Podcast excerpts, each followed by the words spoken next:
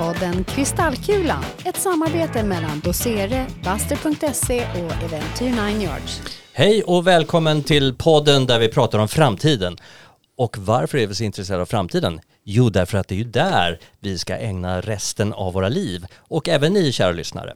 I studion, Boba Weckenstam heter jag. Eh, och med mig har jag... Diana Uppman, hejsan. Hallå och... Jörgen Ramnelöv. Välkomna. Hallå. Tackar. Hur mår ni? Mycket bra. Skulle kunna behöva en reservdel eller två. Oh, spännande Jörgen. Mm. Och det leder in oss på dagens tema. Vi ska prata om medicin och eh, lite fronten inom den medicinska forskningen. På agendan har vi eh, biologiska robotar, vi har exoskelett och vi har hjärnan med Neuralink bland annat som vi ska prata om idag.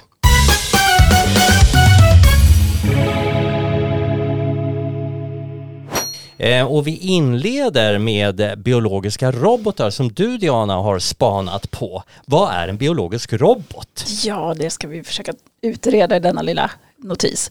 Eh, jag kommer helt enkelt prata om biinspirerade mikrorobotar och eh, ofta när vi pratar om robotar så pratar vi om teknikrobotar baserat på digital information. Men eh, det finns ju även robotar byggda på biologiska material.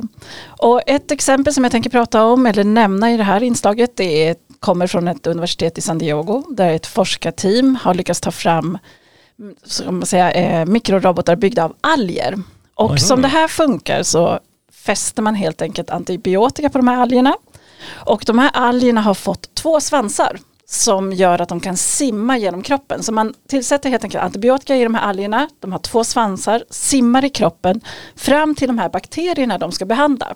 Och där lämpar de av sin, eh, sitt eh, antibiotika och så dödar man helt enkelt de här bakterierna. Och på sikt så dör även de här algerna så de kommer inte föröka sig i kroppen. Så kan de är som bärare. Kan man de, vara säker på att de inte förökar sig? Det är ju en risk. I det här fallet så har man ju lyckats med att algerna dör. Men mm. det är en risk inom den här forskningen att de kommer föröka sig och det blir helt enkelt fel i kroppen. Är Men, det en så kallad biverkning? Det är en så kallad biverkning. Men nyttan med det här är att det inte ska ha biverkningar. så får vi bort och reducera bort den här risken med att de förökar sig så är det här eh, en nytta som gör att man kan ha mindre medicin och mindre biverkningar när man tillför de här eh, algrobotarna som då kallas de. Sen så är det, så det är den direkta nyttan och den här direkta nyttan ska ju ut på test nu så att det kommer vi säkert få se inom en hyfsad närtid. Medicinska testet har ju ändå ganska lång tid att göra. Mer futuristiskt så tänker man sig att de här biorobotarna ska kunna leva i människor och kunna rensa till exempel på cancerceller och även hjälpa dig att vara frisk hela tiden. Mm. Så att de här robotarna kommer helt enkelt bli som ett nytt T-cellsystem som styr mot eh, olika fientliga material som finns så i kroppen. Så man använder dem i lite förebyggande syfte helt enkelt? Ja, då blir det en mhm. medicin i förebyggande syfte. Jag vet inte om det är lite motsatsförhållande i medicin och förebyggande syfte men mm. det blir en liten touch, en liten eh, svängning på det. Men man tänker också att de här eh, robotarna ska kunna gå ut i den stora vida världen utanför människokroppen och inte bara vara i medicin utan de ska också kunna äta sig in och ta fettlager i olika kloaker och kunna bryta ner metaller och så vidare. Så att de här biologiska robotarna kommer i första hand från medicinhållet men kommer att expandera ut i samhället med stor sannolikhet. Jag tycker det låter lite läskigt. Att äta fett eller? Ja, det mesta där du berättade om faktiskt. Du, programmerar man dem på något sätt eller hur? Ja, men programmeringen är ju att de söker sig till de här bakterierna och att det finns då en kemi, en klickkemi som gör att man eh, få till att de söker sig direkt till de här bakterierna och dödar dem. I det här fallet när det var antibiotikerna är sökaren, så att säga, algerna och antibiotikan och sen mottagaren är ju i det här fallet bakterien. Jag har stött på att man kan kombinera det med artificiell intelligens. Mm, berätta mer. Ja, nej men just det där att man kan, på tal om att de ska vara smarta då istället för att liksom, leta upp så kan de själva kanske nu pratar vi nog en ganska lång framtid, men ändå. Eh, liksom hitta saker, apropå det du berättade om som skulle finnas i kroppen hela tiden så programmerar man dem och så kan de själva liksom avgöra om det här skulle jag behöva fixa till, det här ser inte så bra ut. Och jag såg att programmeringsspråket, det var DNA. Liksom mm. Man är DNA-programmerare. Undrar, undrar när man lär sig det på systemvetarlinjen. Men det gör ju naturen hela tiden så det här är ju som att artificiell intelligens härmar naturen för naturen är ju ännu bättre på att göra de här olika åtgärderna. De är ju duktiga på att söka celler och se hur man ska utveckla kroppen och dela sig. Ibland blir det fel och ibland blir det väldigt rätt. Ja.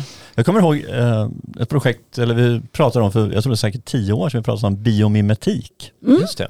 Det är ju lite det här, liksom, man lär sig av naturen. Man, många av de här problemen vi har, har ju naturen lärt sig eller löst alla redan. Så att om vi bara förstår hur den fungerar så kan vi göra livet bättre för oss också. Ja, det är intressant för man kan ju se här en utveckling där vi tekniken och biologin helt enkelt smälter samman. Och det är lite vad du är inne på med både biomimetiken men också med artificiell intelligens i de här äh, små eh, biologiska robotarna. Så att eh, hur teknik och biologi eh, smälter ihop är ju en intressant spaning i detta. Ja, men intressant. Ehm, vart för det här oss undrar man ju. Eh, är det att det blir, ja, Diana har någon tanke om framtiden? Ja, alltså den direkta framtiden är ju nyttan av de här mikrorobotarna. Att vi behöver tillsätta mindre medicin och därmed skapa mindre biverkningar. Och på lång sikt så är det ju att vi får sökande robotar i kroppen som kan städa från olika sjukdomar. Och kanske minska sjukvårdsbelastningen? Ja. Ja, fascinerande. Ja, verkligen. Ja, stort tack Diana. Det leder oss in på nästa spaning.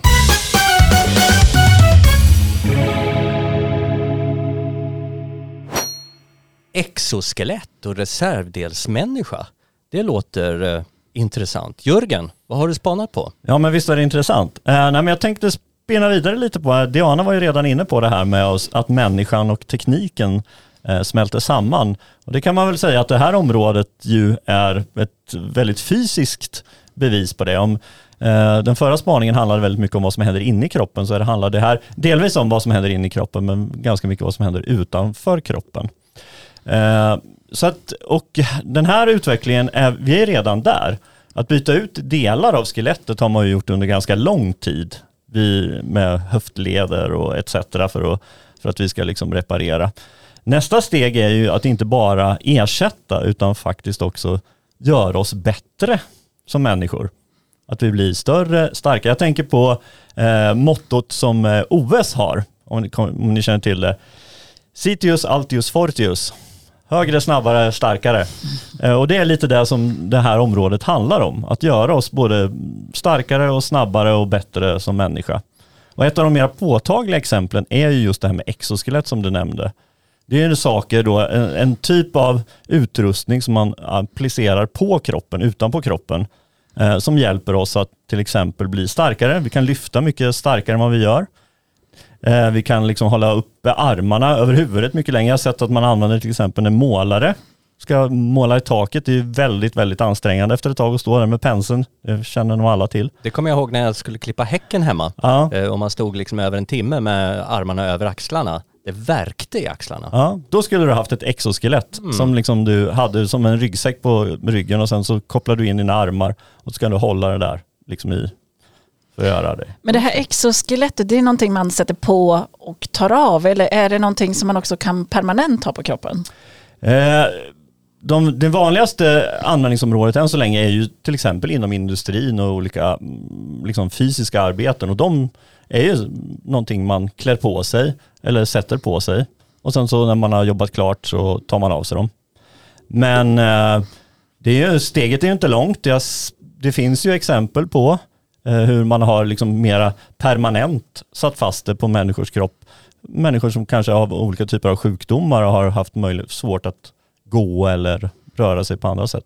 Då tar man hjälp av de här yttre skeletten istället. Då. Men du, den här löparen med Ja. reservbenet, vad hette han? Eh, nu ska vi se här, han hette Pilar- Richard Pretorius, Oscar Pretorius. Just det. hette han. Jo men han, han reste ju den här, om ni, eh, den här intressanta frågan då, liksom, om man då gör sig bättre, är man då välkommen? Det här handlade ju om idrottens värld då. Han var ju löpare, som ni kanske har hört talas om, eh, från Sydafrika. Han hade förlorat båda sina ben när han var ung och fått dit några som, ja det ser ut som sådana fjädrar nästan som han hade på benen. Han kallades Blade Runner va? Ja, precis. Mm. Och eh, han ställde ju upp och var ju friidrottare då och sprang. Och han hade ju jättesvårt, han, han, det var inga problem för honom att tävla ibland eh, i Paralympics och sådär. Men han ville ju jättegärna tävla mot vanliga, icke liksom, handikappade då. Och då var det inte lika populärt. Nej, då, det hade de ju vissa åsikter om då. Och eh, han, eh, fick ju kämpa under flera år för att få tillstånd att tävla, men han fick det till sist faktiskt. Det leder men, till en rätt intressant filosofisk fråga. Att, att liksom eh, göra oss tillbaka till den nivå vi är på. Om vi har varit blinda och plötsligt ser vi, om vi har döva så hör vi. Men att få superkrafter, känns det okej? Okay? Eh, någon som har opererat ögonen och plötsligt ser skarpt på tre kilometers avstånd eller någon som har öron som man hör liksom allt som sägs i tunnelbanan. Hur ställer man sig till den eh, filosofiska utmaningen? Är det lika okej? Okay? Diana? är det okej okay att ha superkrafter? Frågan är, skulle vi vilja ha superkrafter? Skulle jag vilja se två kilometer framåt? Skulle jag eh, allt, för sig, man skulle ju gärna vilja springa väldigt snabbt. Det skulle ju vara väldigt kul. Mm. Det jag mm. tycker är intressant med hela det här exoskelett är ju hur funktionshinder blir en funktionsfördel. Det är ju intressant och det finns något sympatiskt i det. Medan det negativa är ju just supermänniskan och då blir det helt plötsligt klasskillnader av det hela. Mm. För då kommer det finnas människor som är mycket, eh, i alla fall fysiskt bättre rustade.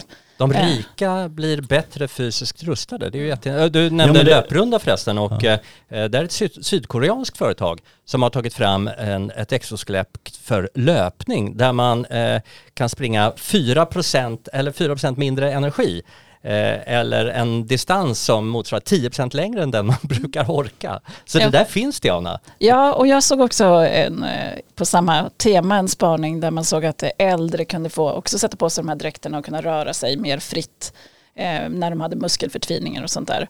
Eh, och på något vis undrar jag så här, ja ger det en lycka? Ja men det kanske ger en lycka eh, just i vissa fall. Men ska vi bli supermänniskor så är inte så säker på att allting, skulle du vilja ha en doftsinne som är tusen gånger bättre? Ja. Skulle du vilja ha en syn som men är varför, väldigt mycket bättre? Varför inte? Varför inte ja? Vad säger du Jörgen, skulle du vilja ha super... men jag tror också att det handlar en del om, alltså hur kommer de här superkrafterna att delas ut? Handlar det om att vi åt, att det du var inne på, att det är de rika som ska kunna köpa sig till de här fördelarna eller kommer det att finnas ett mer demokratiskt system som att där alla, alla får tillgång till den här typen. Kanske någonting man gör när man föds. Alla ser ja. bättre, alla hör bättre, alla mm. har ett bättre doftsinne. Eller slutar vi tävla för att det går inte att tävla längre. Nej, Den biologiska gränsen ja, är redan nej, förbisprungen. det? Alltså, mm. Till och med friidrotts-EM blir ett ingenjörs... det är ungefär som Formel 1, liksom. det handlar bara om vem som lyckas knåpa ihop den bästa mm. bilen. Men om vi pratar framtid då, eh, på, på, kort sikt så är ju det här ett hjälpmedel Jörgen. Jag, jag såg Hilti, eh, ett företag som, eh, som jag har tagit fram såna här för sina eh, arbetare i byggbranschen. Fin, om vi går ut och tittar på stan, har byggarbetare eller andra, använder de sådana här exoskelett nu? Den största användningsområdet är ju inom industrin, att man eh, verkstadsarbetare har det här. Det är eh, till exempel Eh, bilarbetare på BMW använder det här. Eh, jobbar på, arbetare på Ikea använder det här också. Så att ja. Så att, så, så att, inom inte allt för lång tid kanske vi kan köpa på Clas Olsson eh, när man ska klippa häcken så köper man ett sånt här litet exoskelett. Absolut. Ja. Men, men, kan se det här exoskelettet på två sätt då. Ena sidan är ju förebyggande som vi har pratat om att man är inne i byggindustrin eller det liksom hjälper en i tunga lyft i industrin. Då är det ju ett förebyggande för att inte förlora sin hälsa på sikt. Men den andra delen är ju att eh, bygga för de som inte har någon egenskap. Till exempel att man är förlamad i benen eller armarna eller vad det nu skulle kunna vara. Så det, det blir ju en väldigt så här, intressant att det både kan vara en medicinsk eh, artikel men också en förebyggande artikel. Och också då som vi var inne på en extrem artikel där man vill... Ja, den tredje. Ja, ja, tre nivåer. Mm. Ja. Men du frågade om eh, välmående Diana för en stund sedan och vi ska komma in på det tredje och sista temat för den här eh, sändningen.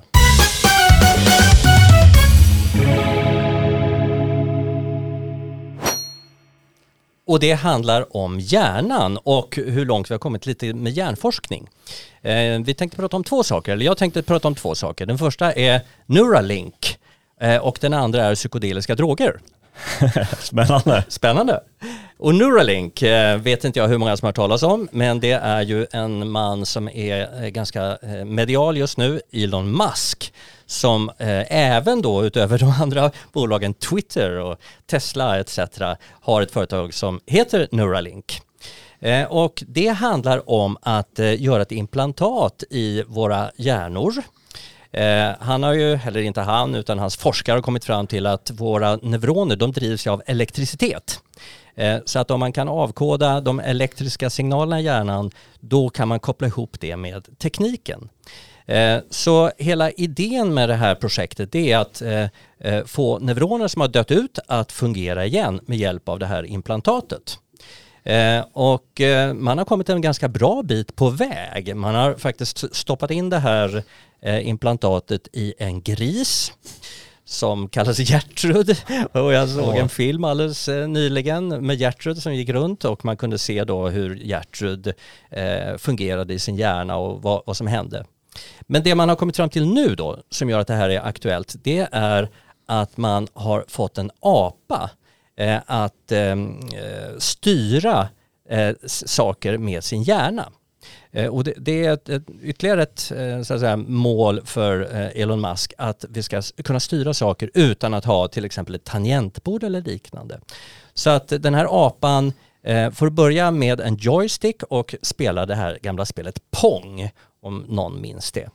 Eh, och eh, under tiden som apan spelar Pong så avkodar man hur elektriciteten i hjärnan eh, fungerar och efter ett tag så eh, eh, programmerar man det här lilla chippet och man tar bort joysticken och apan fortsätter att spela Pong rent magiskt med sin tankekraft. Och det här har man nu fått att fungera. Häftigt. Vad är syftet med det här?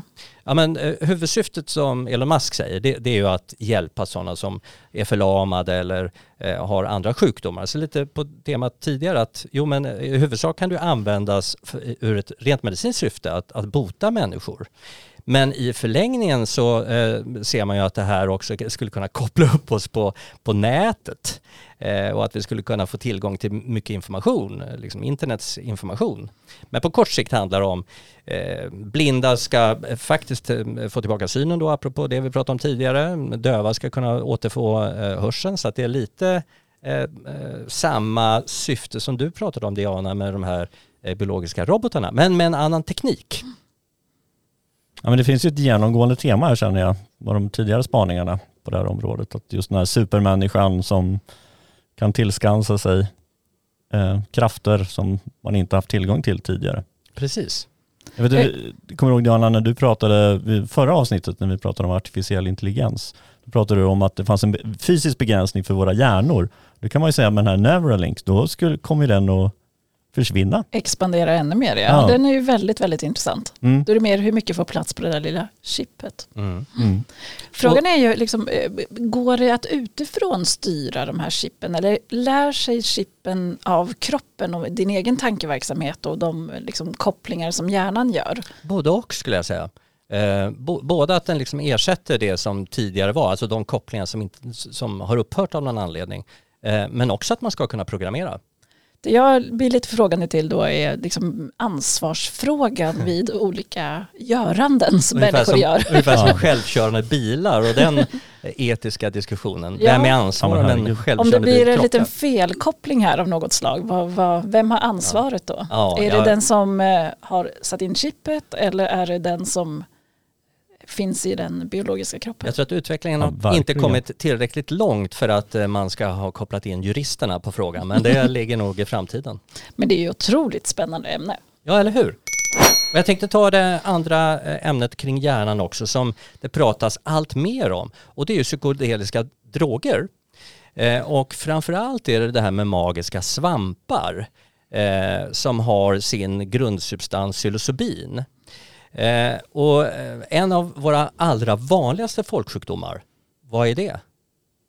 Depression. Depression. Där oerhört många människor lider av mer eller mindre depressioner, en del liksom, eh, kroniska depressioner. Eh, och forskningen visar att med hjälp av, de här, av psilocybinbehandling så kan man bota depression. Eh, och eh, nyligen gjorda studier visar att liksom av 24 deltagare som gjorde en studie så var över hälften fria från depression långt efter den här behandlingen. Ja, intressant. Långt efter behandlingen? Ja, flera veckor. Så sen, att det, eh, sen kom det tillbaks? Eh, ja, men inte lika starkt. Aha. Så att det, har, det har en långtidseffekt så att man ska inte behöva ta den här behandlingen särskilt, särskilt ofta. Eh, och det här har, eh, det är John Hopkins universitetet i USA som har eh, bedrivit forskning på det här eh, relativt länge. Men nu har man inlett det även i Sverige på KI. Jaha. Så att där har man nu en studie där man faktiskt eh, har tagit in ehm, eh, frivilliga som vill vara med i den här studien och man gör blindtester och ser vilka resultat man kan få och än så länge så har man fått väldigt, väldigt positiva resultat. Men man går inte ut i skogen och plockar svamp eller? Man behöver inte det. Man behöver bara den där, det där psilocybinet. Men jag, jag, tänkte, jag såg en eh, bild eh, när man såg på en placeboeffekt hur hjärnan fungerade och hur neuroner var kopplade till varandra när man fick titta på bilder.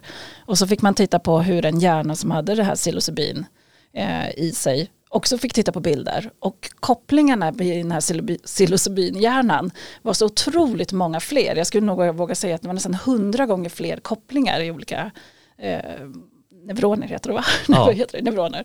Eh, och då tänker jag så här, man får ju en väldigt, väldigt förstärkt verklighetsupplevelse ska jag gissa. Alltså dofterna blir starkare, synen blir starkare, man upplever verkligheten så mycket starkare. Och då tänker jag så här, just det kan jag ju tänka mig botar en depression. Men om man får den här var tionde vecka eller var femte vecka, då kommer ju det bli normen för hur man vill ha det. Men jag tror att, att grejen är att man inte behöver ha det här så ofta utan det kan räcka med en eller två behandlingar. Och den är ju kopplad ihop med terapi. Så eh, jag har faktiskt en kompis som har, har varit på en sån här, eh, eh, vad man nu ska kalla det, upplevelse. Och eh, eh, det är väldigt mycket förberedelser med psykologer som går igenom eh, hur mår du och sådär. Det är inte lämpligt för sådana som har risk att hamna i någon, vad heter det, psyk psykos. psykos eller så. Eh, men eh, det är precis som du är inne på Diana, medvetande expanderande. Så att även, även för sådana som inte lider av depression kan det vara ganska intressant. Alltså man får en närvaro och en bild av livet som är helt annorlunda efter en sån här upplevelse. Men det som är jätteintressant tycker jag i det här, det är ju hur man går från liksom den rationella medicinens och vetenskapen över till det vi hade också i tidigare program, andligheten och schamaner. För det här har ju schamaner gjort i så många hundra år. Ja, ayahuasca heter det va? Precis. Nej, men, eh, det finns till och med ett svenskt företag som heter Nysnö. Nej, men de, de säljer den här typen av eh, behandling eh, och eh, det är forskare, läkare och eh, eh, just det här psilocybinintaget är ju inte tillåtet i Sverige utan just för den fasen i det här projektet då får man åka ner till Nederländerna. Men vad, vad är, eh, varför gör man inte det här i större skala? Det verkar ju vara ganska beprövat men ändå, är det etiska Det är det som, är, problem? det är, det som är vår spaning eh, Jörgen. Jag tror att det här kommer komma. Ja. eh, på bred front. Eh, jag tror att eh, intresset för det här för alla som lider av depressioner är ju uppenbart, men även för andra. Eh, så jag tror att eh, om vi backar tillbaka till 60-talet när folk låg eh, på Woodstockfestivalen Woodstockfestivaler och annat med magiska svampar i sig, så att göra det här med mer under kontrollerade former tror jag kommer definitivt komma mycket mer. Så du ser framför dig någon form av eh, resande, Ja, kan man säga. Ett inre ett resande. inre resande. Ja, man så- checkar in någonstans och sen så får man lite, vad heter det, psilocybin eller vad det heter. Ja, exakt. Så är det ett värderingsskifte vi ser. Nu ser vi det inom medicinen, vi har spanat det i många andra. Är det ett värderingsskifte från det rationella till något annat? Kanske. Man kallar det här till och med retreat. Mm. Ja men hörni, det var dagens teman. Har vi några takeaways till våra lyssnare? Någonting de ska fundera över? Att de ska bli större, starkare och snabbare. Nej, superhuman. Superhumans, Ja, de kommer att vandra bland oss ganska snart. vi kommer alla expandera, både mentalt och eh, fysiskt. Mm. Superintressant. Varför inte avsluta det här avsnittet med en låt av Daft Punk som heter Harder, Better, Faster, Stronger. Perfekt. Tack för idag Diana Tack och eh, Jörgen och alla lyssnare och vår producent Annette Mörk. Vi hörs om en vecka. Hej då! Hej då! Hej då! Harder, better, faster, stronger.